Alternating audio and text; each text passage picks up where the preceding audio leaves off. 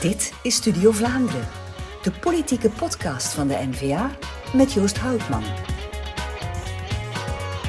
Welkom bij de zesde aflevering van Studio Vlaanderen. In de expertenbabbel slaan Sieltje van Achter, Matthias van Amborre en Gilles Verstraeten aan het Brusselen. In ter land, ter zee en in de lucht trekken we naar het Hasselt van burgemeester Steven van de Put. Maar beginnen doen we met Op de Agenda.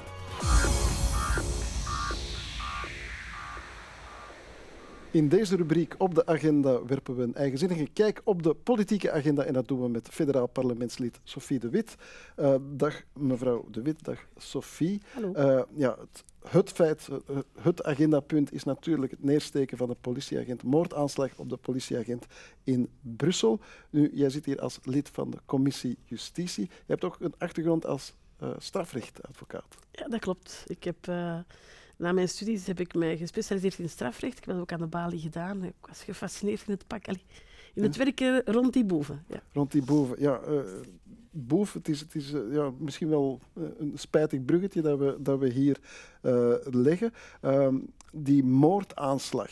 jij bent uitstekend geplaatst om vanuit de, de justitieachtergrond daar naar te kijken. Misschien moeten we eens gewoon de, de feiten van die dag even op een rij zetten in die voormiddag heeft er iemand, hè, dus de hm. betrokkenen, zich aangemeld op een politiekantoor, verward, dat hij haat voelde ten aanzien van politie en dat hij hen iets wilde aandoen. Ja. Um, waarop dan het parket is gecontacteerd, het Openbaar Ministerie, um, om te vragen wat moet er ermee doen, aanhouden, wat is er mogelijk. En je hebt zoiets als een gedwongen opname voor iemand die mm -hmm.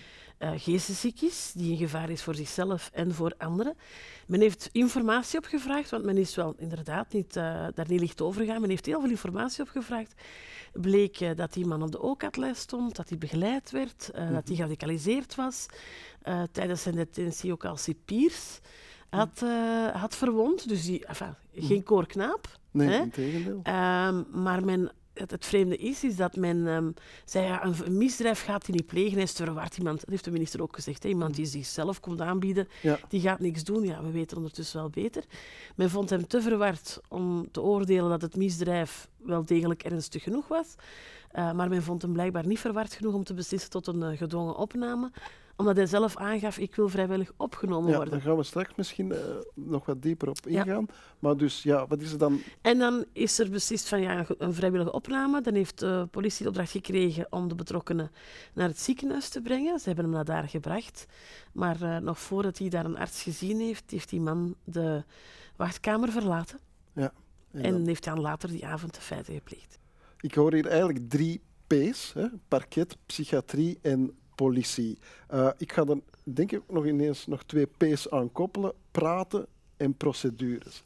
Hebben die drie instanties genoeg met elkaar gepraat of maken de procedures het eigenlijk moeilijk? Um, dat procedures moeten verfijnd worden, ik denk dat dat evident is. Maar dat weten we eigenlijk ook al langer. Zeker wanneer het gaat over het praten tussen de hulpverlening, politie en, uh, en parket. Hè. Ja. Uh, dus rond het delen van beroepsgeheim en dergelijke meer. Er zijn al stappen gezet, maar eigenlijk zou dat veel beter gestructureerd moeten worden. Dat, eigenlijk, dat er een casusoverleg altijd kan komen. Dat is hier niet geweest. Ja. Um, natuurlijk, dat is hier niet gebeurd, omdat het parket had beslist, we gaan hem niet gedwongen opnemen. Ja. En dan kom ik tot die procedure, want er is een duidelijke procedure. Men had die afweging wel kunnen maken. Als je.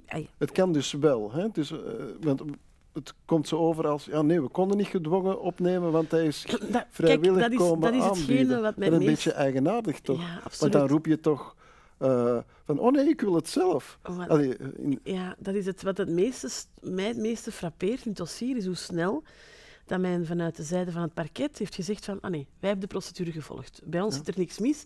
En men aan de schuld bij de politie heeft gelegd. Wat de politie trouwens ook heel boos heeft gemaakt. Ja. En de minister heeft dat dan onmiddellijk nog eens herhaald in het nieuws. Terwijl hij dat eigenlijk niet hoeft te doen. over de minister van Justitie. Ja, ja minister van Justitie ook onmiddellijk.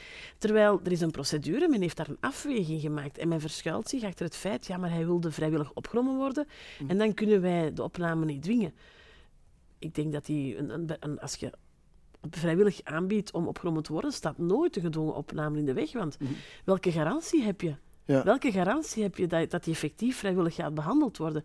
De wet zegt ook, spreekt ook niet van een vrijwillige opname. De wet spreekt van er is geen andere geschikte behandeling voorhanden. Maar dat wist men toen niet. Hè? Nee. Men heeft zelfs geen arts geraadpleegd. En daar is het volgens mij wel misgegaan. Men heeft een afweging gemaakt en gezegd van kijk, ehm, de psychiaters zeggen hier altijd, als men vrijwillig wilt, ja, dan eh, adviseren we negatief voor een gedwongen opname. Ik kan dat nog aannemen voor een winkeldief. Ja. Maar iemand met een profiel als, als deze man, Ja. en men kende dat profiel ook, Ja. om dan zo gemakkelijk te zeggen, oh, we gaan daar toch geen arts bij roepen. Ehm, ik zeg, dan, dan, eh, en, maar toch niet vertrouwen, hè, want men heeft het belangrijk genoeg achter van de politie te zeggen, brengt hem toch maar naar het ziekenhuis. Als hij dan toch zo ongevaarlijk was, stuurt hij mijn adres op pad. Hè. Daar is Ja. het ziekenhuis, hij gaat hem maar vrijwillig aanbieden. Heeft men niet gedaan. En dat frappeert men. Ik denk dat men eh, dat onderzocht heeft en een beslissing heeft genomen, Hm. Maar jammer genoeg niet de juiste beslissing heeft genomen. Ja. Ik ga er nog een P bij smijten, die van privacy. Nu, ik vraag mij af, privacy is, natuurlijk super belangrijk, maar hoe hard weegt dat op eh, als, als de veiligheid van mensen in, in, in gevaar kan Dat- komen? Alleen de politie duidelijk in dit geval, maar misschien ook de mensen in, in het ziekenhuis. Eh, Dat is wat men nu aan het onderzoeken is. Wie Hm. wist wat? Hè? Want het parket wist het, de politie wist het, maar met welke boodschap zijn die agenten naar het ziekenhuis gegaan? Ja. Wisten die agenten dat ook? Wat is daar verteld in het ziekenhuis? Daar loopt nu een gerechtelijk onderzoek om te kijken welke informatie was daar. Had die moeten gedeeld worden? Kon die gedeeld worden? Nu, aangezien het een vrijwillige opname was, hoefde er niet Mhm. gedeeld te worden. Ja. Ehm, maar dat zou veel beter moeten. Ik denk eh, dat je daarover moet, of dat, dat nu een vrijwillige of een gedwongen opname is, ehm, dan denk ik op dat ogenblik, in alle eerlijkheid, dat privacy eigenlijk ondergeschikt is aan, eh, aan de veiligheid. En dat men daar in het ziekenhuis wel informatie had moeten delen. Normaal gezien moet het parket de toestemming geven aan de politie om dat te delen. Dat is blijkbaar niet gebeurd, maar dat is ook logisch, omdat het over een vrijwillige opname ging. Dus Ja. we keren altijd terug naar dat eerste punt. Ja, Waarom geen gedwongen opname? En ik denk dat daar die structuur en die procedure, dat zou anders moeten. Ja.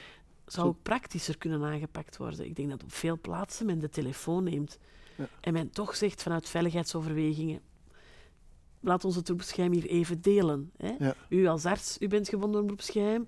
Ja. Ik als politieagent, parket ook, laat ons het even delen. Ja. En samen een afweging maken wat het beste eh, kan gebeuren. Ja, Dat lijkt mij de juiste weg te zijn.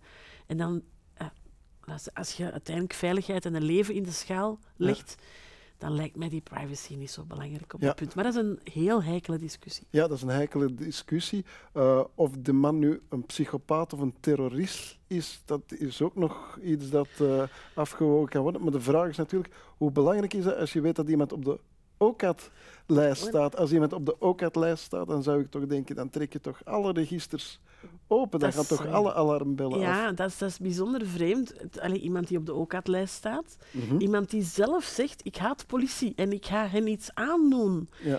Iemand waarvan de politie zelf zegt, het is een manipulator. Ja. Wat eigenlijk een indicatie is om te zeggen, ja, die kan je niet zomaar vrijwillig, want die kan even liegen over zijn Ja, bereidheid die, om die vrijwillig is per worden. definitie onbetrouwbaar. Ja, iemand waar men, waarvan men weet dat hij tijdens zijn detentie, zijn gevangenschap, cipiers heeft aangevallen. Ja. Ja, om daar dan maar te zeggen van, oh ja, we geloven op zijn woord dat hij zich vrijwillig laat opnemen. Ik, ja, dat is iets wat mij bijzonder treft eh, in dit dossier. En dan snel alle paraplu's opentrekken. Ja. We hebben de procedure gevolgd. Eh, ja, men kon een keuze maken. Ehm, weet u, er is een moment geweest in de commissie vorige week maandag, want wij hebben daar een commissie Mhm. over gehad al. En eh, een van onze collega's die eh, merkte op dat dus... Het waren twee politieagenten. Hè. Het was s'avonds, ja. toen de feiten zijn gebeurd, dan had je de politieagent die, die nu het leven erbij gelaten heeft en zijn collega die ook gekwetst is geraakt. En die collega bij het verlaten van het ziekenhuis, die heeft daar letterlijk gezegd, en ik krijg er nog altijd koude Mhm. rillingen van als ik eraan denk, het spijt me heel erg dat ik mijn, hè, mijn excuses dat ik mijn collega niet beter heb kunnen beschermen. Ja. Dus iemand die mee verwond is door dat feit dat eigenlijk best Mhm. vermeden had kunnen worden, eh, biedt zijn excuses aan. Ja. En dat zijn eigenlijk de enige excuses die we tot nu toe gehoord hebben. Dat Niet van het parket. Niet ja. van de politiek. En Ja. eigenlijk had men nu gewoon die vrijdag gezegd van... Mm. We hebben de procedure wel gevolgd, maar we hebben dat verkeerd ingeschat. Het spijt ons. Dan lag er misschien een ander verhaal voor. Vandaag ook naar de politie toe. Nee, men heeft gehaast om een paraplu open te trekken. Wij waren het niet. Ja, En bijna- veel kwaadheid voedt En dat heeft heel veel kwaadheid eh teweeggebracht. En eh, dat begrijp ik wel. Maar dat moment, want een van de collega's merkte dat op in, het, eh, in de commissie. En ik zeg, ik vond dat eigenlijk het meest pakkende moment Mhm. van die maandag. En ook de idee. En s'avonds heeft dan... is, heeft de pers trouwens, eh, ik denk dat dat ter zake was, ook aan de minister gevraagd en daarna verwezen.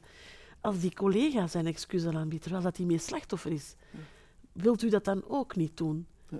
En de minister is rond de pot blijven draaien. Dat vind ik verschrikkelijk. Ja, want eh, dat maakt het eigenlijk allemaal nog veel gelaagder. Het slachtoffer is een politieagent. Eh, de minister van Justitie die gaat er prat op dat hij vol voor nul to- tolerantie tegen eh, geweld eh, tegen agenten gaat. Maar ja, in de praktijk klopt dat toch ook Nee, eh, dan, dat was natuurlijk de reactie van de politie meteen. Hè. Ja. Dus Omwille van zijn reactie, het was het parket niet en het was de schuld bijna van de politie. Hij heeft dat niet met zoveel woorden gezegd, Mhm. maar zo lijkt dat. Heeft de politie onmiddellijk gezegd, ja, maar jij ging voor nul tolerantie gaan en dat Ja. is niet. Eh zo wel eens niet te spel ontstaan, want, Mhm. ehm, eh, maar er zijn cijfers die van justitie zelf komen, waar blijkt dat er meer dan 300 dossiers wel degelijk nog altijd omwille van opportuniteit geseponeerd worden. En dat is hetgeen dat eigenlijk niet meer zou mogen. Altijd afspraak is geweest, dat gaan we niet meer doen. Ehm, ja, dat, dat natuurlijk wringt dat bij de politie, politiediensten, staan ter bescherming van ons allemaal. Als zij dan eh, inderdaad slachtoffer zijn, dan moet daar iets mee gebeuren. Ik denk dat dat evident is en dat is de politie heel kwaad om. Ja, de VSOA die pleit zelfs voor ja, het ontslag van de, van, van de minister. Is dat iets dat je begrip voor hebt? Van, zeker, het was, het was een dubbel verhaal. Hè. Eén, hij trekt zijn paraplu open. De nultolerantie die hij dan hè, zegt dat hij wel hanteert, maar van de cijfers zeggen dat het niet zo is. En voorbeelden beelden uit de praktijk het ook aanwijzen. En dan drie, dat was dan eigenlijk de kerst op de taart. Dan zei hij achteraf, ze viseren mij omwille van het loonakkoord dat, dat Ja. niet gerespecteerd is. Er is juist een collega gestorven van die politiemensen. Mm. Dus dat zij het ontslag vragen in, in de optiek daarvan, en naar, naar, ja, dat, dat begrijpen wij zeker en vast. Ja, er is natuurlijk ook nog een andere minister betrokken partij, de minister van Binnenlandse Zaken, met, eh, Annelies Verlinde. Maar die komt minder in het, in het vizier. Hoe komt dat? Zij heeft zich iets slimmer eh, opgesteld. Zij heeft dan ook eh, meteen haar medeleven betuigd en een Hm. open brief geschreven. En gewoon gezegd, we gaan het onderzoeken. En zij heeft niet direct die paraplu opengetrokken. Dus zij heeft het, eh, denk ik, ze heeft zich iets bescheidener opgesteld. Maar goed, dat doet ook niks af aan het feit dat er heel wat zaken die zij nu heeft aangekondigd in de commissie en eh, dat allemaal moet gaan gebeuren. Ja, dat zit al jaren in die pijplijn, dat ligt al jaren op haar bureau en daar gebeurt niks mee. Dus eh, dat zal zeker nog aan bod komen en opgevolgd worden. Want eh, zoals die ook had lijst en dergelijke meer, dergelijke meer, heel veel van die zaken zijn nog door Jan Jan Bon Mhm. eigenlijk eh, ingevoerd geweest. Dus dat is goed, dat bestaat. Maar er zijn ook aanbevelingen geweest van de, van de, de onderzoekscommissie rond de aanslagen. Ja, die moeten wel uitgevoerd worden en daar doet deze minister niks mee. Dus, Dus, de eh, plannen bestaan er, De plannen de, bestaan ideeën er, zijn ja, en er. ook naar Het- delen, delen van dat, dat beroepsgeheim delen, informatie delen, een kruispuntbank tussen hulpverlening en politie en parket. Die ideeën bestaan daar, die aanbevelingen zijn allemaal al gedaan, maar die blijven maar stof vergaren Mhm. ehm, op, eh, op de bureau van, de- van de minister. Ze heeft die nu vorige week even van allemaal stof gehaald, maar ze moet daar gewoon eh, wetgevend gezien naar, met parlement komen. En dat doet zij niet. Ja. Dus ze is in haar communicatie iets minder voortvarend en wat slimmer geweest dan Ja. minister van Quickenborne. Ze heeft het, niet de polarisatie opgezocht. Maar dat neemt niet weg dat haar taak niet vervuld is zoals ze zou moeten vervuld zijn. Ja, dus eigenlijk zeg je, maak nu eens verdorie werk van wat er eigenlijk al lang... Ja, ja, er zit heel veel van in de pijplijn. Aanbevelingen zijn gedaan. Het is een kwestie van ze Mm. uit te voeren. Om, om af te ronden, je bent ook burgemeester, zoals ik eh, in het begin zei. Ja, dan ben je natuurlijk met de lokale politie eh, heel hard bezig. Is dit nu dit feit maakt dat je dan nog meer met de politie gaat bezighouden? Hoor je daar stemmen? Eh, Ja. ja, hoe, Ja. hoe moet je dat op lokaal niveau Bij ons was er meteen de reactie van opletten, ehm, ook niet te snel je deur open doen als, als je tegengehouden wordt, of je raam naar beneden doen, let op, wees waakzaam, dat leeft heel dat komt binnen hè, bij die mensen. Eh, dat komt heel hard binnen. Ehm, ik moet zeggen, ik heb altijd strafrecht gedaan als advocaat, dus ik ken de politie aan één kant. Als burgemeester heb ik die aan de andere kant leren kennen. Ja. En heb ik wel een oneindig groot respect gekregen voor wat dat die eigenlijk ook allemaal doen, ook de lokale politie. Ehm, maar het raar, raar is dat niet. Ik vind dat eigenlijk evident. Wij hebben ook LIVC's, dus die, hè, die lokale integrale veiligheidscellen. Als er iemand is met een bepaald profiel waar een risico aan zit, wij delen dat beroepsgeheim. Ja. Wij, doen, wij, wij zijn eigenlijk pragmatisch. Ja. Hè? Je, in het belang van en je spreekt dingen af. En, ja, dat is eh, eigenlijk de, de, de, de rode draad door, door, dit verhaal. Wees wat meer pragmatisch. Praat met elkaar, uh, vertrouw elkaar en um, ja, maak daar een structuur voor, maak daar afspraken voor. Dat je zegt van, als, als mijn korpschef zegt, kijk, er is een probleem met één iemand, Ehm, ja, dan praten wij daarover. Maar ik ga dat natuurlijk de dag nadien niet in de gazet zetten. Ik, dat is een, je, bent ja, je praat gewoon met elkaar, net zoals de politie en parket, maar ook de hulpverlening. Ja, neem contact met elkaar, ken elkaar en praat met elkaar. En deel, deel dat beroepsgeheim, doe dat casusoverleg. Zelfs in die gevallen zou ik bijna zeggen, wanneer het nog niet echt in de procedure voorzien is, mm. maar gewoon omdat het belangrijk is, omdat je daarmee volgens mij wel dat hebben we nu al geleerd, levenskarren. Oké. Dat is een, een, behoorlijk drukke agenda, lijkt mij dat, uh, niet alleen in het parlement, maar ook lokaal. Ik dank jou, Sofie de Witte, voor jouw bijzonder heldere uitleg uh, over dit toch wel moeilijke uh, en gevoelige onderwerp. Uh, je sloot af met een lokale uitleg en daar ga ik aangrijpen om een bruggetje te maken naar de volgende rubriek Ter land, ter zee en in de lucht, waar we naar het Limburg, mooi Limburg trekken, het Hasselt van burgemeester Steven van de Put.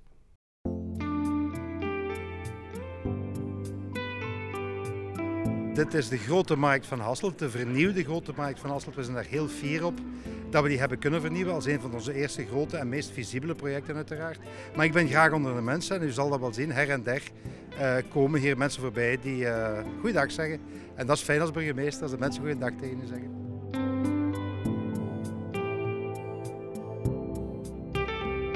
Ter land, ter zee of in de lucht. Uh, het vorige bestuur had heel veel tijd om luchtkastelen te bouwen. Wij focussen op het land, de betrokkenheid van de Hasselaar. Ik denk ook dat uh, gezien onze ligging in het hartje van Limburg we meer land zijn dan lucht of zee. Zij het dat we ook vandaag in onze kanaalzone heel veel investeren. Wij zijn uh, een echte Bourgondische stad, als ik het zo mag zeggen.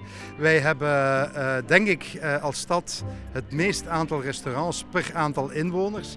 en dat, dat is in alle paletten. Allee, dat gaat van een frietje tot en met het beste van het beste. ik denk dat wij als Hasselaren echt iets te bieden hebben. Ook hier op de Grote Markt is het duidelijk.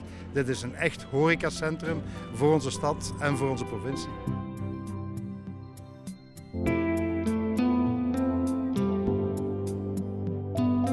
Wel, als burgemeester ben je natuurlijk, uh, word je geacht van kenner te zijn ter zake. In dat kader uh, is het ook zo bij ontvangsten, bij ons op het stadhuis bijvoorbeeld. Daar worden onze, of worden onze lokale uh, specialiteiten geserveerd. Dus ze zeggen speculaas uiteraard en Genever.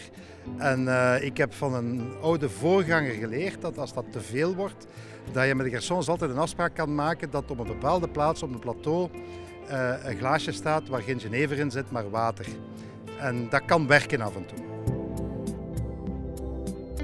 Voor ik burgemeester was, was ik minister van Defensie. Ik heb dat heel graag gedaan. Ik heb daar ook uh, grote veranderingen in die Belgische Defensie kunnen, kunnen opstarten, om het zo maar te zeggen. Uh, maar mijn afdeling heeft mij gevraagd om burgemeester te worden. We hebben ons kandidaat gesteld en dat is ook gelukt. Ik heb dat ook gedaan. En ik denk dat uh, de ervaring die ik had met een goed kabinet, mij goed omringen als minister, dat uiteraard dat heel goed is geweest om hier als burgemeester na jarenlange oppositie de meerderheid te kunnen overnemen en ook een vliegende start te maken met de administratie die, laten we eerlijk zijn, gewoon was te wijken gelijk ze dat vroeger deden. De grote verschillen tussen een, minister en een burgemeester zijn natuurlijk de nabijheid van uh, het resultaat wat je bereikt. De grote beslissingen die ik genomen heb, die zullen maar zichtbaar zijn vanaf 2025 als minister. Het is maar dan dat die F-35's bijvoorbeeld geleverd gaan worden hier in de stad.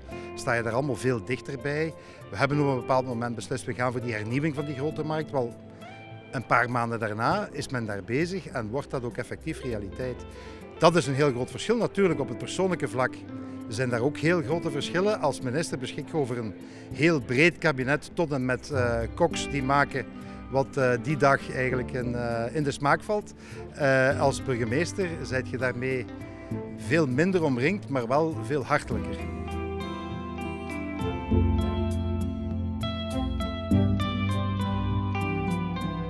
De mooiste herinneringen zijn vaak ook die internationale bijzondere ontmoetingen ik heb uh, het genoegen gehad om uh, samen met president Trump aan tafel te zitten op het Koninklijk Paleis. En ik heb daar vastgesteld dat het onmogelijk is om uh, Trump te vergiftigen met water, want dat brengt hij zelf mee. Dat hebben zijn eigen veiligheidsmensen. Maar als er iemand zou willen een aanslag plegen, dan is het middel wel de Belgische chocolade, want die stond op tafel onverpakt en daar heeft hij lustig van gegeten.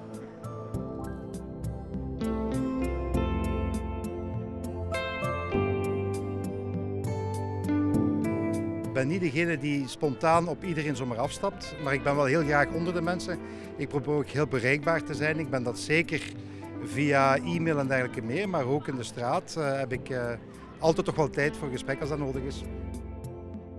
Het feit is dat vaak mensen dingen vragen die heel klein zijn en die dan ook eigenlijk gemakkelijk op te lossen zijn. Als je dan zegt van kijk, als ik daarmee mensen kan helpen, als ik mensen kan helpen met het feit dat eindelijk nu een keer gereageerd wordt op het feit dat die achter zijn tuin uh, een mini-stortplaatje heeft uh, waar mensen zomaar dingen komen gooien en we kunnen dat verhelpen. Wel, dat zijn kleine dingen waarmee dat we voor die mensen in elk geval een heel groot verschil kunnen maken. Hasselt is gewoon de gezelligste, warmste stad van Vlaanderen die je kunt inbeelden. Een bezoek meer dan de moeite waard.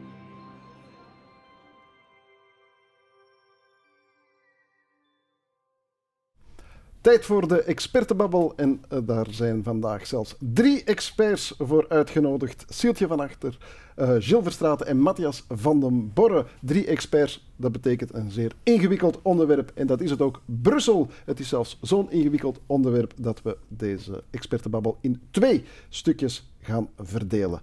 Uh, welkom Sieltje en Gilles. Um, ik zit hier met Brusselaars aan tafel, maar jullie zijn geen geboren en getogen Brusselaars.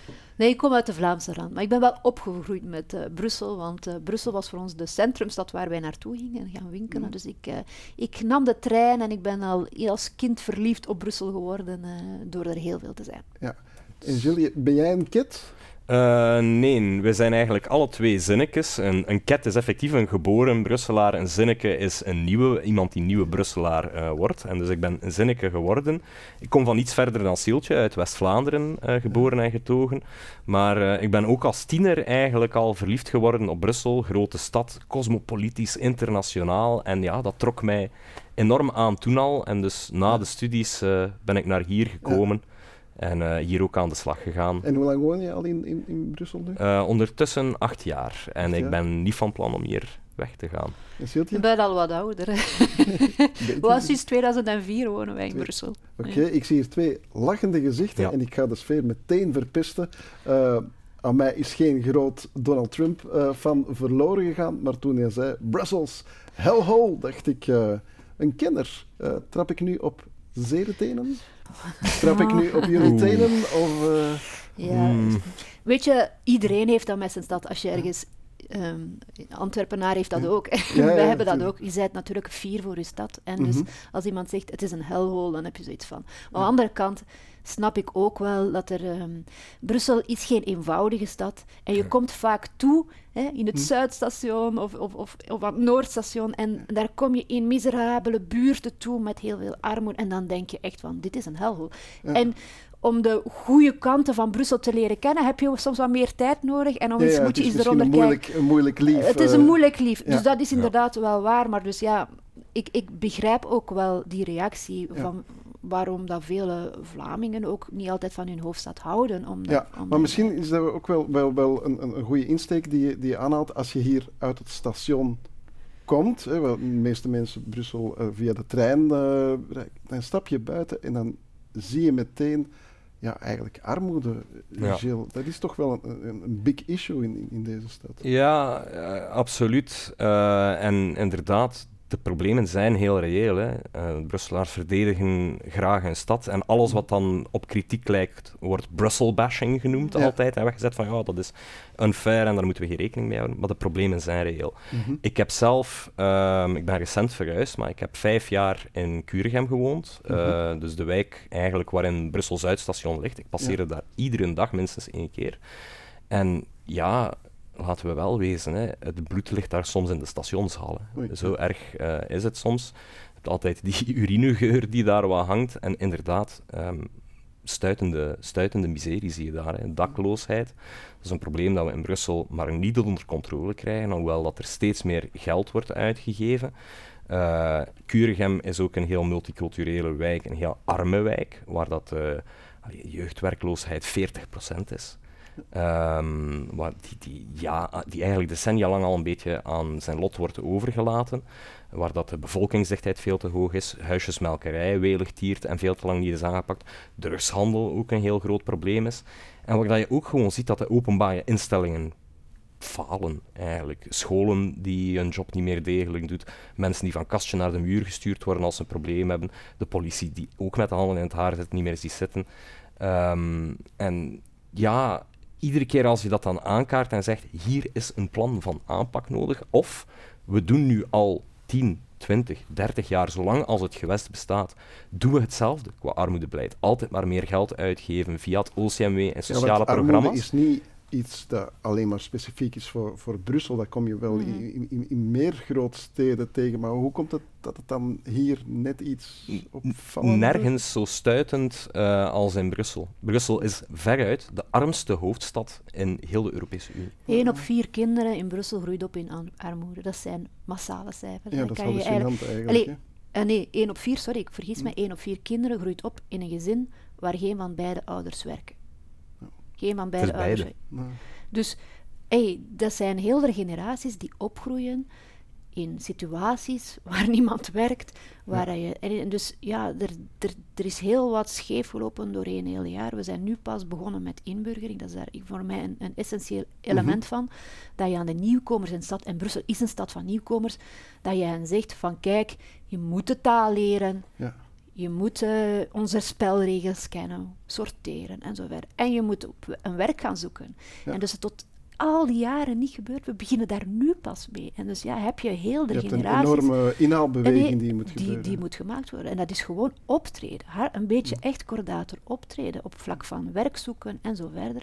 Het is, uh, maar maar het, is, het is een groot probleem. Ook de OCMW's uh, staken binnenkort, omdat, het, omdat ze het ook niet meer zien zitten. En dus ja, met geld inderdaad los je niets op. Je hebt, je hebt een plan van aanpak nodig die op veel fronten echt kordater gaat optreden. Is er dan geen sense of urgency bij andere partijen? Of, of hoe moet ik dat, dat dan zien? Ik heb het gevoel dat er, dat er twee zaken meespelen. Wat uh, um, de PS betreft heb je natuurlijk dat, die oude kwaal van cliëntelisme, van hmm. socialisme oude stijl, waar dan men misschien uh, nog liever iemand heeft die volledig afhankelijk is van de staat. En die men dus kan rechtstreeks vanuit de politiek bedienen en aan zich binden. Ja. We gaan u helpen aan een uitkering sociale woning voor moeder, ah, we regelen dat wel. We arrangeren dat wel.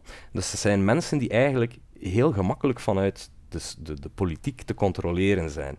Maar daarmee zijn ze nog niet geholpen om autonoom, geëmancipeerd in het leven te staan, om hun eigen keuzes te maken. Wel in tegendeel, want de mensen die eigenlijk op hun eigen pad gelanceerd zijn en, en die een goede job hebben, een eigen inkomen, etc., die, die zelfredzaam zijn, die vallen niet te controleren.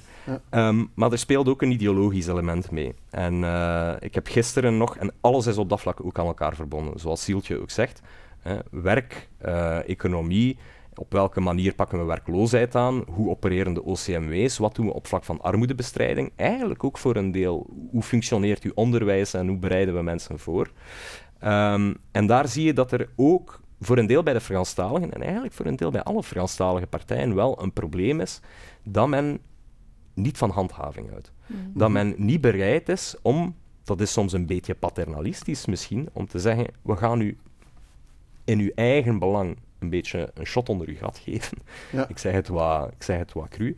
Ehm, maar dat is nodig uh, om eh, u aan een job te helpen, om uh, ervoor te zorgen dat je uit een eindeloze cascade van uitkeringen, afhankelijkheid, uitdelen, een premie hier, een premie daar. Um, wat trouwens ook geen pretje is hoor, want um, ik heb de indruk, zeker bijvoorbeeld een alleenstaande moeder met drie kinderen, met hoe slecht eigenlijk de Brusselse administraties en instellingen en OCMW's en dergelijke functioneren en hoe um, chaotisch het beleid is en hoe verdeeld ja. al uh, die premies en dingen en uitkeringen zitten, die hebben soms een fulltime job gewoon aan heel dat uitkeringssysteem draaiende te houden en al de administratie, de Kafka die je achterna moet lopen. Maar als we het over Kafka hebben, dan heb ik ook nog een ander onderwerp uh, in Brussel dat ook heel visibel is, de mobiliteit. Ja. Hè, de, het, ja, wat jij zegt, het, het, gaat niet vooruit in het leven, het gaat eerder achteruit. Maar in de mobi mobiliteit gaat het zelfs niet meer achteruit. Het staat hier, het staat vaak stil. het staat hier stil. Uh, over mobiliteitsplannen valt veel te zeggen, maar valt er ook iets voor te zeggen? Ja, je hebt een mobiliteitsplan heb je uiteraard nodig. Hè. Je kan niet zonder een plan. En uh, je hebt... Uh, je, je, moet op veel fronten werken. Er is een groot plan, hè, de Good Move dat we nu horen, maar dat gaat eigenlijk meer dan over alleen die circulatieplannen. Dat gaat over uh, het openbaar vervoer aanleggen. Dat, gaat, dat is eigenlijk het overkoepelende mobiliteitsbeleid. Er staan zaken in die wij willen, hè, bijvoorbeeld ook meer fietsinfrastructuur. Want als je, we kunnen niet allemaal ons blijven vastrijden met de wagen hier in Brussel, wat vandaag ook gebeurt. Hè. Ja. En we hebben dan ook veel veiligere fietsinfrastructuur nodig voor de mensen. Ook nog, allee, mm. Je gaat niet met je kinderen naar school fietsen als het niet op een veilige manier nee, kan. Natuurlijk, dus dat doe je gewoon niet. En um, dus dat zit daarin, maar, maar dan heb je inderdaad nu die circulatieplannen die heel erg in het, in het nieuws zijn en die, die heel erg verdelen. Hè, omdat het is heel ingrijpend wat dat er soms gebeurt en niet altijd heel duidelijk waarom. Hè. Dus, ja. En, en het, het, mobiliteitsbeleid in, in Brussel is heel verziekt geraakt en verpest geraakt, omdat omdat je aan de ene kant heb je de, de echte ja, autoliefhebbers, mm -hmm. zal ik het zo zeggen. En aan de andere kant heb je echt de groenen die dan echt een pestbeleid willen voeren. En je hebt eigenlijk iets tussen de twee nodig. Maar je hebt nu, je hebt dat op een slimme manier Ja, dat op een slimme manier de probleempunten aanpakt, die fietspaden legt waar dat nodig is, dat je routes hebt, ja. uh, die, die parkings aanlegt en zo verder. Dus je hebt je openbaar vervoer dat wel goed draait in Brussel. Ik denk dat we echt wel mogen zeggen dat ons openbaar vervoer heel wijdverbreid is. Ja. Maar dus um, je, je hebt een heel gespannen sfeer. En dat is gewoon zo, omdat er al jaren de groenen zeggen, we moeten parking schrappen. Hè. Hm. En als jij moet een, na je werk een half uur, een uur toeren rond je woonplaats om een parking te vinden, ja, dan, dan heb je het gehad. Hè. En dus dat is ene kant. En dus die, die hebben zoiets van schrappen, schrappen, schrappen. Maar ja, niet iedereen kan zonder auto. Nee, voilà, niet iedereen kan zonder auto. Ja. Dus je moet daar ook rekening houden. Dat is ook een dom beleid om te gaan schrappen, om te schrappen, ja. om te gaan pesten, om te pesten. Dat heeft geen enkele Brusselaar, nog een pendelaar, niemand heeft daar baat bij. Van de andere kant moet je natuurlijk ook de beweging maken naar meer uh, openbaar vervoer, voetgangers en de fiets, omdat je natuurlijk ook niet allemaal met je een auto voor de luchtkwaliteit hier kan blijven rondleiden, en zitten we toch ook vast. Dus, maar maar het, het, probleem is dat het heel verziekt is en, en, en dus dat je alles wat dat je doet nu ook op heel veel tegenstand uh, wekt, opwekt. Ja. Er zijn zaken die goed gebeuren. Uh, in Schaarbeek, bij mij zijn er nu een aantal aanpassingen die wel goed gebeuren. Maar er zijn ook punten hier in de ja. Vijfhoek of in Kuringen, waar Gilles woont, waar woonde, waar het ja. helemaal falikant fout is afgelopen. En waar zie je zo, wat, zou wel een oplossing kunnen zijn om dat een klein beetje te verzoenen, die, die twee visies? Hoe, ik denk dat er echt gewoon uh, kleinschaliger en, en, en concretere uh, ingrepen, als je wilt, ingrepen op het terrein moeten gebeuren, in plaats van een groot plan van een hele wijk ja. en, en dat helemaal om te draaien. De, denk ik dat, dat dat is niet goed, dat is te, te bruskerend. Hè? Dus ja. uh, als je dan... Maar, maar, maar als je wat ze in Schaarbeek gedaan hebben, bijvoorbeeld hè, aan de, de wijk waar mijn, de school van mijn kinderen ligt, ze hebben daar een paar eenrichtingsstraten gemaakt, een paar fietspaden aangelegd. En nu zie je de mensen de fiets nemen, omdat het nu veilig kan. Ja. En de, de auto's zijn op de grote assen gevoerd. En daar kan je ook nog rijden, want het is daar nog niet toegeknepen. Hè? Ja. Dus, Ja. En dus dat is wat dat je nodig hebt. En, maar, maar niet overal gebeurt het zo. En dus je moet het inderdaad op een slimme manier hebben. Dat je, als je de auto nodig hebt, dat je er nog geraakt en niet, niet heel de buurt is ja, omzet. En dat je altijd rond die ring moet, die toch al vaststaat. En dus dat je gewoon frustratie creëert, heeft geen zin. Uh, maar kant heb je natuurlijk ook dat je, andere, de, allee, dat je de, de zachte weggebruiker moet ook uh, Mhm. accommoderen. En, en, en dus je kan veel, veel bereiken als je wil, maar, maar, maar pak het niet zo grootschalig aan, doe het klein. En, Ja, en, ik hoor en hier geef eigenlijk heel echt, eh, veel... uh, toon op het terrein waar het, wat, wat een verbetering is. En als je de verbetering ziet, en, en dan, dan zijn de Brusselaars Ja, mee. ik hoor heel veel gezond verstand Voilà, eigenlijk, gezond maar, verstand. maar, maar dat Als je- in de praktijk... eh, Als je eigenlijk een voorbeeld wilt, dus ik heb bijvoorbeeld de indruk dat inderdaad het circulatieplan in Schaarbeek dat dat heel goed aangepakt is, heel doordacht, dat men dat gefas- gefaseerd gedaan heeft, dat men mensen ingelicht heeft, zoals dat ik het Mhm. van eh Seeltje ook uitgelegd heb gekregen. Dat is een heel ander verhaal dan wat dat wij in, in Anderlecht, in Kuregem, hebben gezien. Dat lijkt bijna een soort verzonnen schoolvoorbeeld van een opeenstapeling van al de dingen dat je vooral niet moet, doen- moet Ja. doen, of hoe je het niet moet doen. Zijnde, ehm, men heeft eh, heel lang blijven beweren dat er een brede burgerbevraging, participatie, raadpleging is geweest. Ik woonde in die wijk. Ik heb als gewone bewoner nooit een briefje in de bus gekregen. Als gemeenteraadslid van Anderlecht was ik tot, ik denk, een week of drie voordat het circulatieplan in werking zou treden, hoegenaamd niet op de hoogte van een circulatieplan dat er zou ja, komen. Ja. Dus dat is echt van de ene dag op de andere gebeurd. Dus dat was al een probleem. Dat Groen aan de ene kant zei, hè, en ze koketteren daar graag mee, met ah ja, burgerparticipatie en raadpleging. Maar als je dan ziet hoe dat verlopen is, dan gaat men eigenlijk gewoon hun eigen achterban gaan bevragen, die natuurlijk wild enthousiast is over alles wat ze doen. Ja, ja. En dan zeggen ze, voilà, vanaf wie je de- bevraagt. de- De, de, ja. participatie heeft plaatsgevonden en de brede bevolking zegt, huh? Staat er iets te gebeuren of wat dan ook. Dus dat is één. Dat was al problematisch. Zeker in een wijk als Kuregem, die al heel lang een moeilijke verhouding heeft met gezag en die zich al heel lang in de steek gelaten voelt. Twee, wat je dan doet in dat plan, maakt ook heel veel uit. En daar zegt Sieltje het ook correct. Je moet het wel intelligent doen. Je moet het wel op zo'n manier doen, met ook participatie, degelijke uitleg waarom dat in ieders voordeel is. Maar dat was in Kuregem niet. Men heeft eigenlijk van de ene dag op de andere, vaak in straten waar dat er eigenlijk al niet zo heel veel verkeer was, voornamelijk eigenlijk verkeer dat je- die in en uit de wijk moest, Ja. heeft men die afgezet met betonblokken, blokkeringen aangebracht, eenrichtingsstraten aangebracht. Ehm, waardoor dat mensen zich opeens die, die een auto effectief nodig hebben. eh, Ik heb zo thuisverplegers gesproken, bijvoorbeeld uit de wijk, die, die naar twintig klanten op een dag moeten hè, om die te gaan verzorgen. Die, die kunnen niet zonder. Dat die zeiden opeens moeten wij een half uur langer rekenen om de wijk, een, een redelijk kleine wijk, nog buiten te geraken. Dus de automobilisten waren heel zwaar gefrustreerd. Die werden geduwd richting grote assen. Dat is op zich geen probleem. Maar grote assen die dan wel al compleet verstopt zaten met verkeer Ja, van tevoren af. iedereen zijn weg te zoeken. Ja, en dus iedereen staat nog langer in de file en, en eh, de automobilisten geraken niet meer binnen of buiten voor eenvoudige trajecten. En niets voor de fietsers. Er was geen fietspad extra aangelegd. Er was, men zei, meer betere openbare ruimte of groen. Geen boomke bijgekomen, geen fietspad geschilderd, niets. Dus men heeft daar gewoon eigenlijk een hele wijk voor automobilisten de blok erop gezet Ja, een heel aantal onveilige verkeerssituaties gecreëerd. Ook voor mij, want ik, ik ben een fietser. Ik, Mhm. ik, ik heb geen rijbewijs, dus ik neem de auto niet. Zelfs als fietser was dat voor mij ook in Kuregem opeens een probleem dat een heel aantal kruispunten onveiliger waren geworden. En ja, dan schiet zo'n wijk in een colère, omdat men zegt, wie heeft hier in hemelsnaam iets bij te winnen? En er is ook geen, geen informatie of participatie geweest. En dus dat is echt hoe dat je het vooral niet moet doen. Een circulatieplan Over- zou over- goed kunnen zijn ja. voor de wijk, maar men heeft alles wat dat men verkeerd kon doen, heeft men verkeerd gedaan. Over colère gesproken, ik eh, wil eventjes naar jou komen, eh Sieltje. Jij schoot eigenlijk overlaatst in een, eh, in een spreekwoordelijke colère.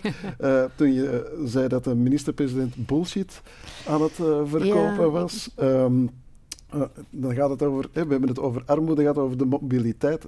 Heel zichtbare problemen. Ja, wat niet zichtbaar hier is, is, is eh, begrotingshygiëne. Ja, begroting. ja, ik was echt kwaad. En het, het is inderdaad, eh, onze begroting ontspoort volledig. En eh, het eigenaardige is dat we een begrotingsminister hebben, minister Gats van de Open VLD, die blijft aankondigen van we gaan naar een evenwicht in 2024. En ik dacht van, dit is gewoon een hoop bullshit. Allee, Ja. dit gaat niet meer. Allee, en dan heb je een minister-president die, die zijn beleidsverklaring kwam, kwam voorlezen, een uur en een half ongeveer. En die zei, en we gaan de miljoenen daaraan geven en de miljoenen daaraan. En je denkt dan, je hebt toch net een begrotingsakkoord gehad, hè? iets Ja. over de begroting misschien, eh, wat gaan we daarmee doen? Die zei daar niks over. En dan dacht ik van, ja oké, waar zijn we hiermee bezig? Ehm, en dus ja, we zitten, het is heel eh, problematisch, want... ehm, uiteindelijk, we gaan niet in een evenwicht zitten in 2024. Er zijn heel Soms wat... moet je een kat en kat Ja, natuurlijk. dus eh, zeg het eerlijk, wa- wat dat meneer, minister Gas doet, die doet eigenlijk alles wat van investeringen is. Bussen, trams, de metro, ehm, busstations, ehm, wat hebben we nog? We hebben op veiligheid, we hebben de tunnels. Al die projecten zet hij gewoon buiten zijn begroting. Ja. Mm. Maar die projecten zijn natuurlijk gestart. Die lopen wel nog door na Tuurlijk, je kan die niet 24. ontkennen. En hij Ja. zit ik jaar na jaar buiten de begroting te houden, waardoor onze schuld jaar na jaar aandikt. Hè. We Ja. gaan echt naar hele hoge schuldcijfers. Ehm, ik denk 270% van onze, van onze inkomsten. Hè. Dat Ja. is massaal, dat is echt immens. En, en ik denk dan, ja, in 24, wat gaat je dan doen? Die projecten lopen. Daar is, je kunt niet blijven Ja. dat uit je begroting halen. En dus je gaat geen geld voor zijn. ja. En dus je gaat je dan een half project gestart zijn en dan ga je daarmee stoppen. En als ik hem die vraag stel, wat ga je dan doen met je metro? Je Ja. er dan... Dus ik snap niet dat je zo te werk kan gaan. Ik snap niet dat je niet kan... eh, ik, ik snap dat je investeringen doet. We hebben in Vlaanderen ook de Oosterweel en daarvan zeggen ook dat is een uitzonderlijk project. Eén project, zo'n project, houden we buiten de begroting. Ze hadden dat perfect voor de metro kunnen zeggen, doen in Brussel. Metro is nodig. Eh, De, die lijnen eh, waar dat die komt, die zijn verzadigd qua bovengronds eh, openbaar Ja. vervoer. Dus dat is nodig. Ik denk dat heel het land daar kan over, van overtuigd zijn. We kunnen zo'n project buiten de begroting halen. Maar voorzie dat dat dan gefinancierd is totdat, Ja. totdat die er ligt. En dus dat is helemaal niet waar. En dus, en dus ja, ik, ik maak me daar echt zorgen over. Want eh, wat gaan we doen in 24? Ja? In 24 gaan er nieuwe verkiezingen zijn. Er gaat misschien hopelijk een staatshervorming komen. En wat gaat, met wat gaat Brussel rond de tafel komen? Met een hand, een bedelhand. Hè? Want vandaag al, zegt minister Gats, Ja, een bedelhand heb- waar al een gat in zit. ja, eigenlijk. waar een gat in zit, om dat terug te vullen. Ja. En minister Gat zegt, wij hebben, die kijkt nu al naar nieuwe inkomsten.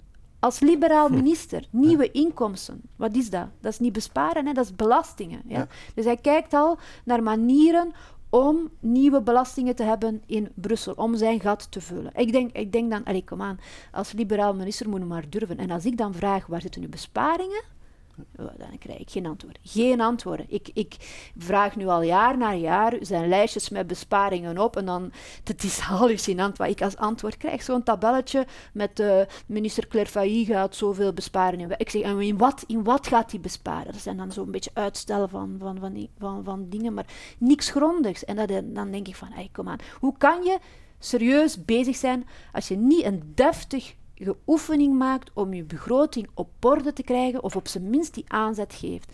En dan al aan het uitkijken zijn naar nieuwe inkomsten. Dat is echt hallucinant. Ik heb eh, op een foute teen getrapt. Ja, Nee, sorry, nee. Maar dat, Sil- Siltje heeft overschot van gelijk. En wat dat daar voor een deel achter zit, is ook weer opnieuw een, een groot filosofisch probleem. Waarom ontspoort die begroting ook steeds verder? Dat heeft te maken ook met de achterliggende factoren in Brussel en hoe de politiek daarmee omgaat. 40% van de volwassen Brusselaars, Brusselaars op beroepsactieve leeftijd, is niet aan de slag. 4 op 10. Oké? In Vlaanderen zijn we richting de 80% aan het gaan. Zijn we daar ongeveer? Brussel 62 In, in Brussel is 62%. Hè? Dus 4 op 10 Brusselaars moet eigenlijk op de een of andere manier onderhouden worden door ziekteuitkering, Van eh, diegenen die kunnen werken, hè? Ja, Van, van die- van diegenen die, kunnen, we- die dus op beroepsactieve leeftijd zijn. We hebben het niet over kinderen, we hebben het niet over eh, gepensioneerden. Dat is hallucinant veel. Dat is bij, bijster pijnlijk. En dus daar zit je met dat filosofisch probleem. Ik heb gisteren nog commissie werk gehad met eh, Bernard Clairfailly, de minister van Werk. En die zegt dan van, ja, maar ja, maar we zitten met een probleem over wat voor soort jobs we hier hebben. En dat zijn hoogopgeleide jobs en de Brusselaars zijn niet opgeleid genoeg. En oh, we kunnen daar niet zoveel aan doen. En ja, dat is de situatie en het is moeilijk. En hij zegt, je, kunt, je de vergelijking met Vlaanderen niet maken, want daar zitten ze bijna aan volledige tewerkstelling. Dan zeg ik, ja, maar in Vlaanderen zit men effectief aan bijna volledige tewerkstelling. Zou je kunnen zeggen, of zou de Vlaming kunnen zeggen, we rusten op onze lauren, het is goed geweest, we moeten niet te veel meer doen. Maar het tegendeel is waar.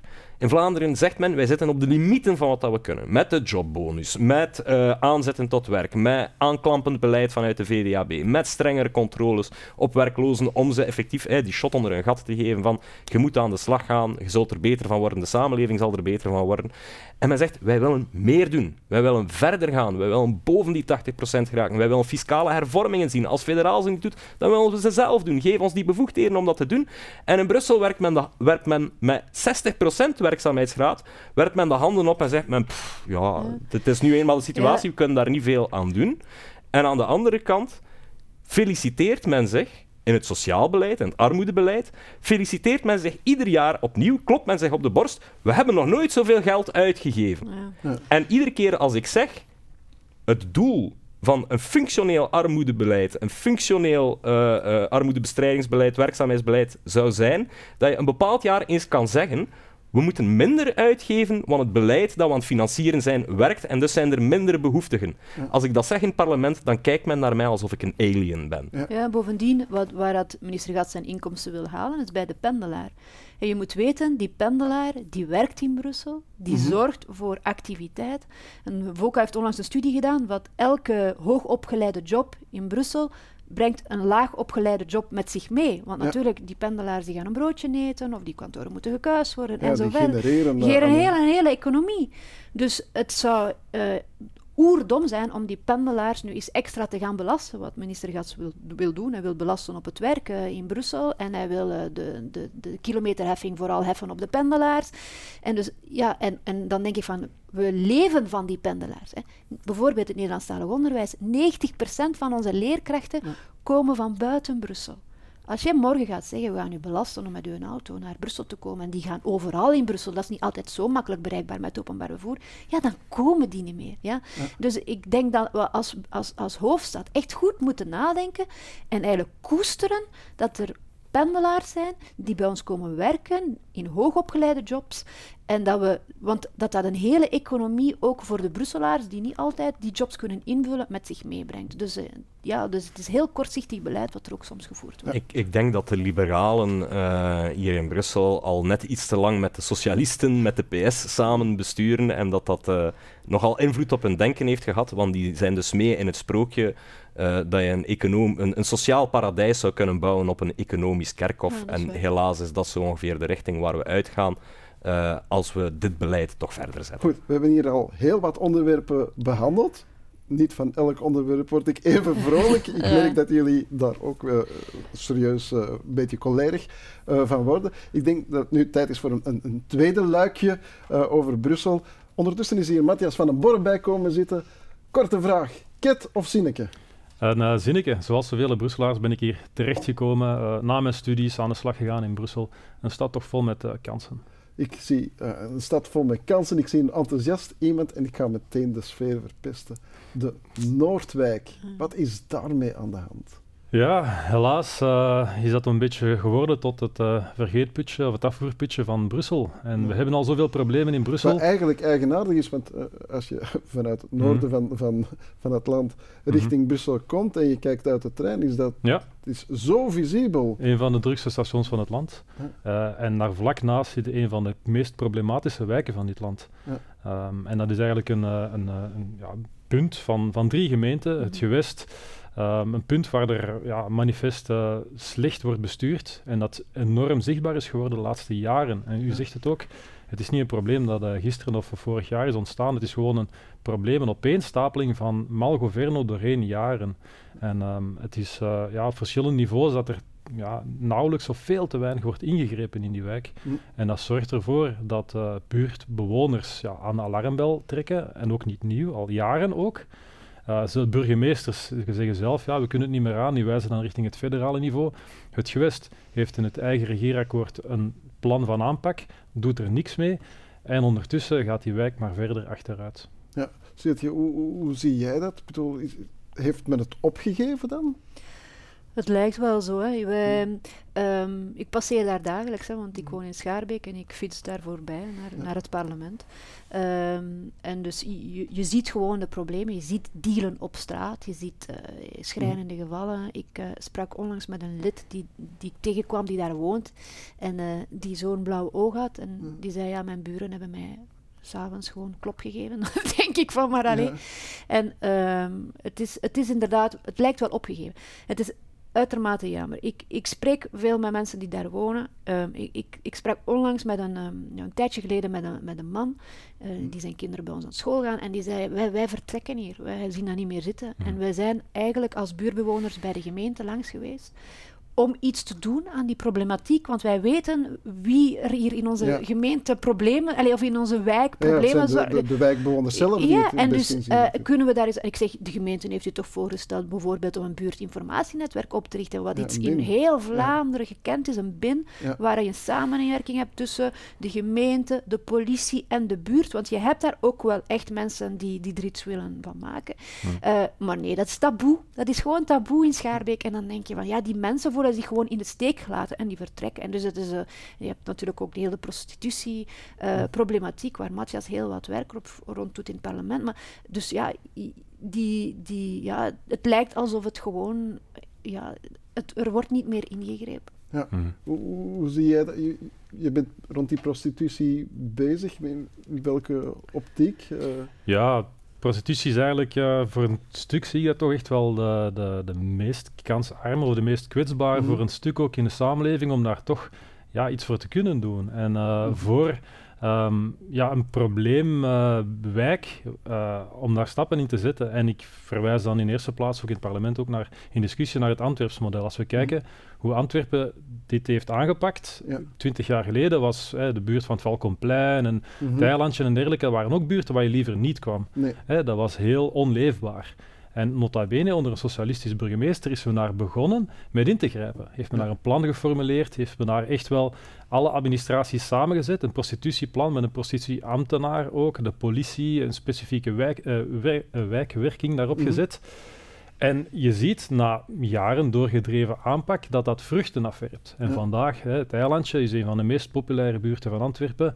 Ook uh, de buurt dus rond het Valkenplein. Dus dat, dat een, goede aanpak heel veel kan doen. Absoluut. Wat, wat, in die wijk ook al niet wordt aangepakt, is de, de, de netheid natuurlijk. Hè. Hmm. Je, je, je, valt daar over het afval, bij manier van ja, spreken. Het is, het is, zelfs als met de prostitutie, waar je de versnippering hebt. Matja zei het al, dat is een, een punt waar dat drie gemeenten samenkomen. Schaarbeek, Sint-Joost en, en Brussel-Stad. En die hebben elk een ander idee voor mm. prostitutie, dus dat werkt niet. Hè. Je moet ja. één aanpak hebben. Zie je hetzelfde in netheid. Het was al, onlangs er een Pano-reportage geweest, ik weet niet of je gezien heeft. En dus de schepen van Schaarbeek van netheid, die ging naar de Noordwijk mm. en die, die, die zei zo'n beetje laconiek, ja, hier ziet u uh, een vuilnisbak met een groene zak, dat is van de gemeente Schaarbeek. En twee meter verder ziet u een vuilnisbak met een bruine zak en dat is een van het gewest. En die zei zoiets van, ja, zo kun je toch geen netheidsbeleid voeren, want in, in, in, in die wijk is iedereen bevoegd, maar niemand verantwoordelijk. Ja, ja, en dus heb je een enorme versnippering in Brussel, met, uh, maar zelf op sommige punten, op, op één plein, waar je en de MIVB, dus onze openbaar vervoer, bevoegd is voor netheid, en het gewest en de gemeente, en die kijken dan allemaal naar u, dat is uw vuil, dat is mijn... Dat is mijn en het, het is een puinhoop, het is een vuilnisbelt. Ja. Zeker op die pleinen. Ja, is echt, ik ben gisteren gepasseerd, verschrikkelijk. Ja. ja. En, dus, ja, en, dan, en, en dat is tekenend voor heel wat problemen in Brussel, dat er te veel versnippering is. Hoe kan je bijvoorbeeld een netheidsbeleid voeren als je twintig administraties hebt? Op zijn minst. Elke gemeente zijn eigen administratie, netheidsadministratie. Daarboven de gewestelijke voor de gewestwegen. En dan heb je, en dan heb je nog de MIVB voor... voor allee, complex. Ik ben onlangs naar Wenen gegaan. Een hoofdstad van 1,9 miljoen inwoners, groter dan Brussel. Ja. Met één bestuur. Één netheidsadministratie, mm -hmm. die infrastructuur op en top heeft, die boetes uitschrijft als jij iets op de grond gooit, dat is een propere stad. Mm. Met een enorme bevolkingsgroei, net als Brussel.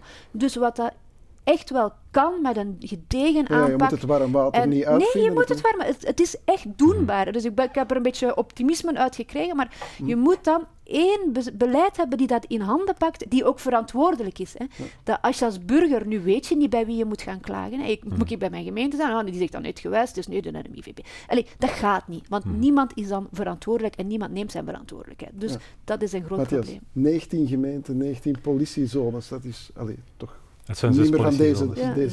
zes. politiezones. Zes politie, ja. Dan ja, nog, dat dan Dan nog. ook, ja. De complexiteit. Dat het er vijf eh, of zeven kunnen zijn. Ja, nee, dat is inderdaad een van de absolute grote pijnpunten op alle dossiers waar je ziet wat het misloopt. En helaas, we zijn er al vandaag wat heel wat besproken.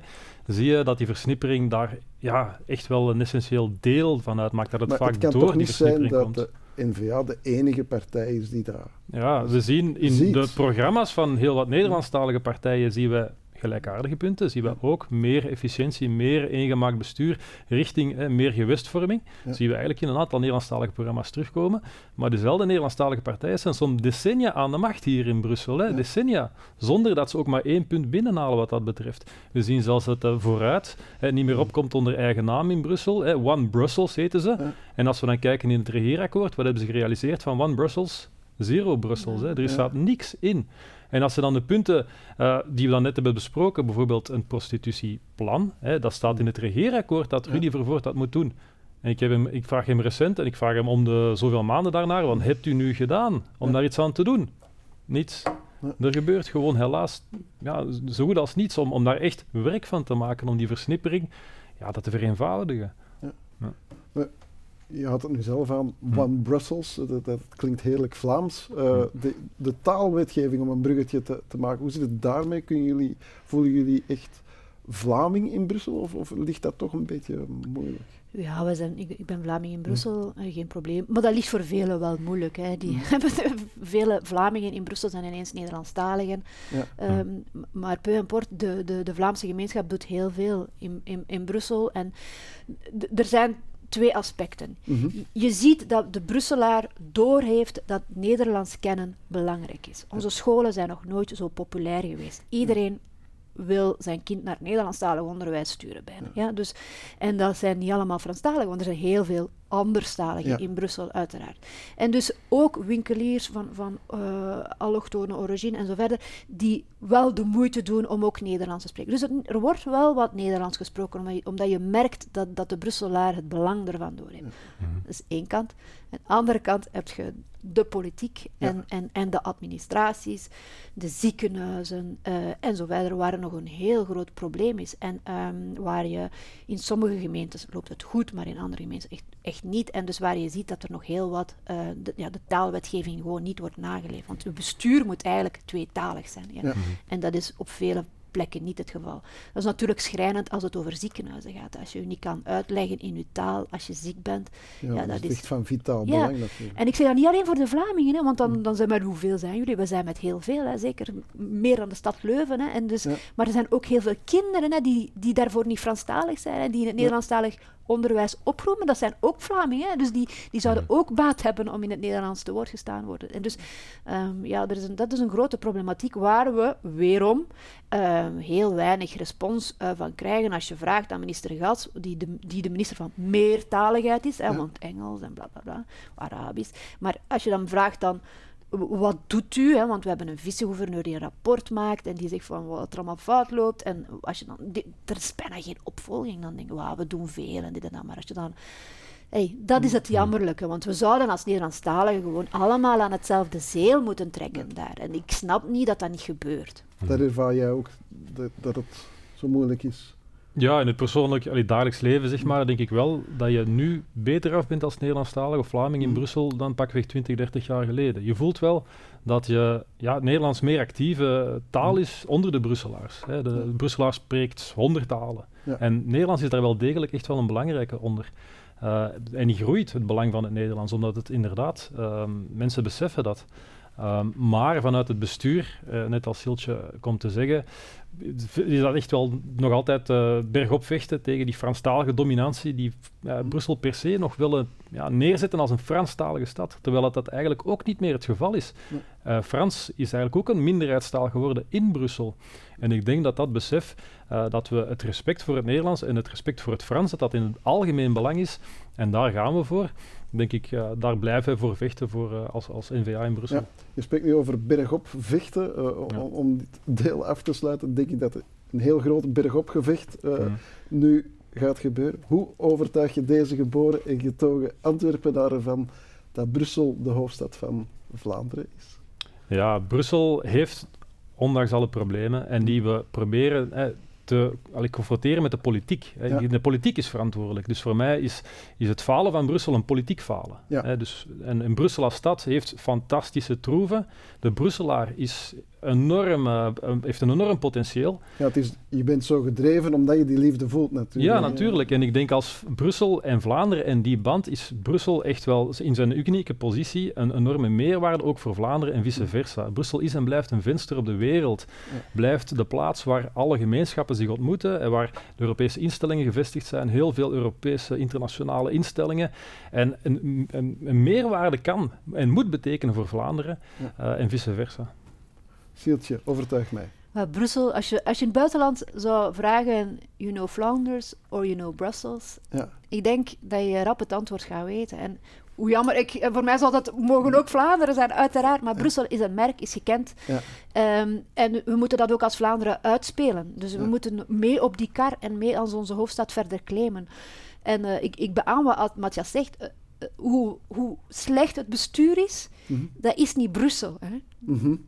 Brussel heeft heel veel te bieden. Hè. Brussel is een enorme culturele stad uh, met heel veel potentieel en, en, en een heel enorm, enorme vibe. En ook heel gekend en, en een heel belangrijk politiek centrum. Allee, inderdaad. Dus ik denk uh, dat we als Vlaming onze hoofdstad zeker moeten houden en ook meer benutten en ook uh, fier over mogen zijn. Okay. Maar, maar, we vergeten dan natuurlijk dat bestuur. Dat is een andere Goed. zaak. Op de mooie noten van deze Brusselse lofzang sluit ik deze expertenbabbel af. Ik dank mijn experts van vandaag, Matthias van den Borre, Sieltje van Achter en Gilles Verstraten. Goed, dit was weer een bijzonder interessante aflevering van Studio Vlaanderen. Ik dank al mijn gasten Sieltje van Achter, Matthias van den Borre, Gilles Verstraat, Steven van de Put en Sophie de Wit. En ik dank ook u voor het kijken. Tot een volgende Studio Vlaanderen.